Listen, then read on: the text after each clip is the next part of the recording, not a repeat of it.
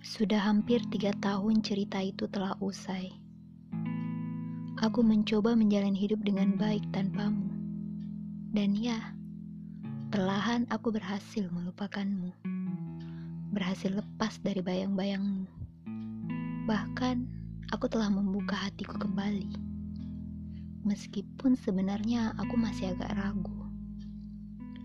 Aku mencoba menjalin cerita baru bersama orang yang kuanggap akan membuatku bahagia dan nyaman.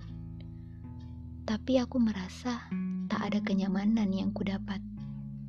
Jika kenyamanan saja tak kudapat, apalagi bahagia bukan?